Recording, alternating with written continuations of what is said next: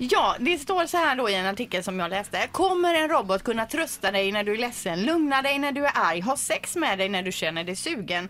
Enligt en forskare då som Svenska Dagbladet har pratat med så finns det, hon är psykologiforskare då på något sätt och hon har forskat i det mänskliga beteendet, hjärnan och teknik och hon säger att det finns redan nu folk som kan tänka sig att gifta sig med robotar och det är ju smidigt, de säger inte emot och gör som man säger och så Jo, men det finns ju folk som är ihop med Be- Berlinmuren också. Så Ja men det är en annan en ja, sidostory Sandholt.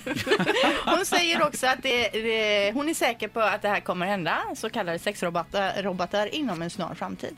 Alltså finns det verkligen en marknad för sexrobotar? Men hur ska de se ut tänker jag? Alltså ska det vara liksom plastiga? Optimus Prime. Ja men jag tänker så här transform, Transformers. då. Men det är ju stökigt att ha hemma en sån vrålande stor en bil som ska veckla upp sig. Det blir ju bökigt. Ja, väldigt Nej men tänk han om den eh, vecklar ut sig och blir en dammsugare och dammsuger hela huset åt dig. Käckt, Sen kanske det ve- vecklar om sig och blir en eh, bakmaskin, så den Ja. bakar. Eller ja, du vet det finns massor, så blir den en gräsklippare och bara Men tänk om den kryper in under täcket och ska göra någonting oralt och den får ett mjukvarufel och käftarna slår igen och blir en gräsklippare där ja. Hur lyder den ersättningen i så fall? Men jag tänker också så här när man ska... ta en cigg efteråt och robotens inbyggda eh, rökalarm går av. Det är jätteomysigt. Eller om den tänder den med sin inbyggda eldkastare. Ja.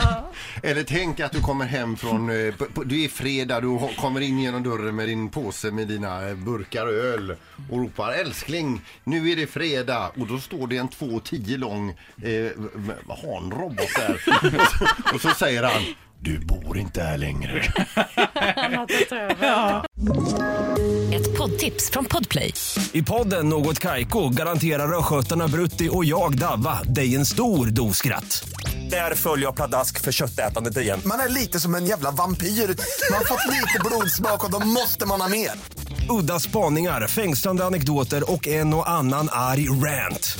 Jag måste ha mitt kaffe på morgonen för annars är jag ingen trevlig människa. Då är du ingen trevlig människa, punkt. Något Kaiko, hör du på Podplay. Därför är gardinerna.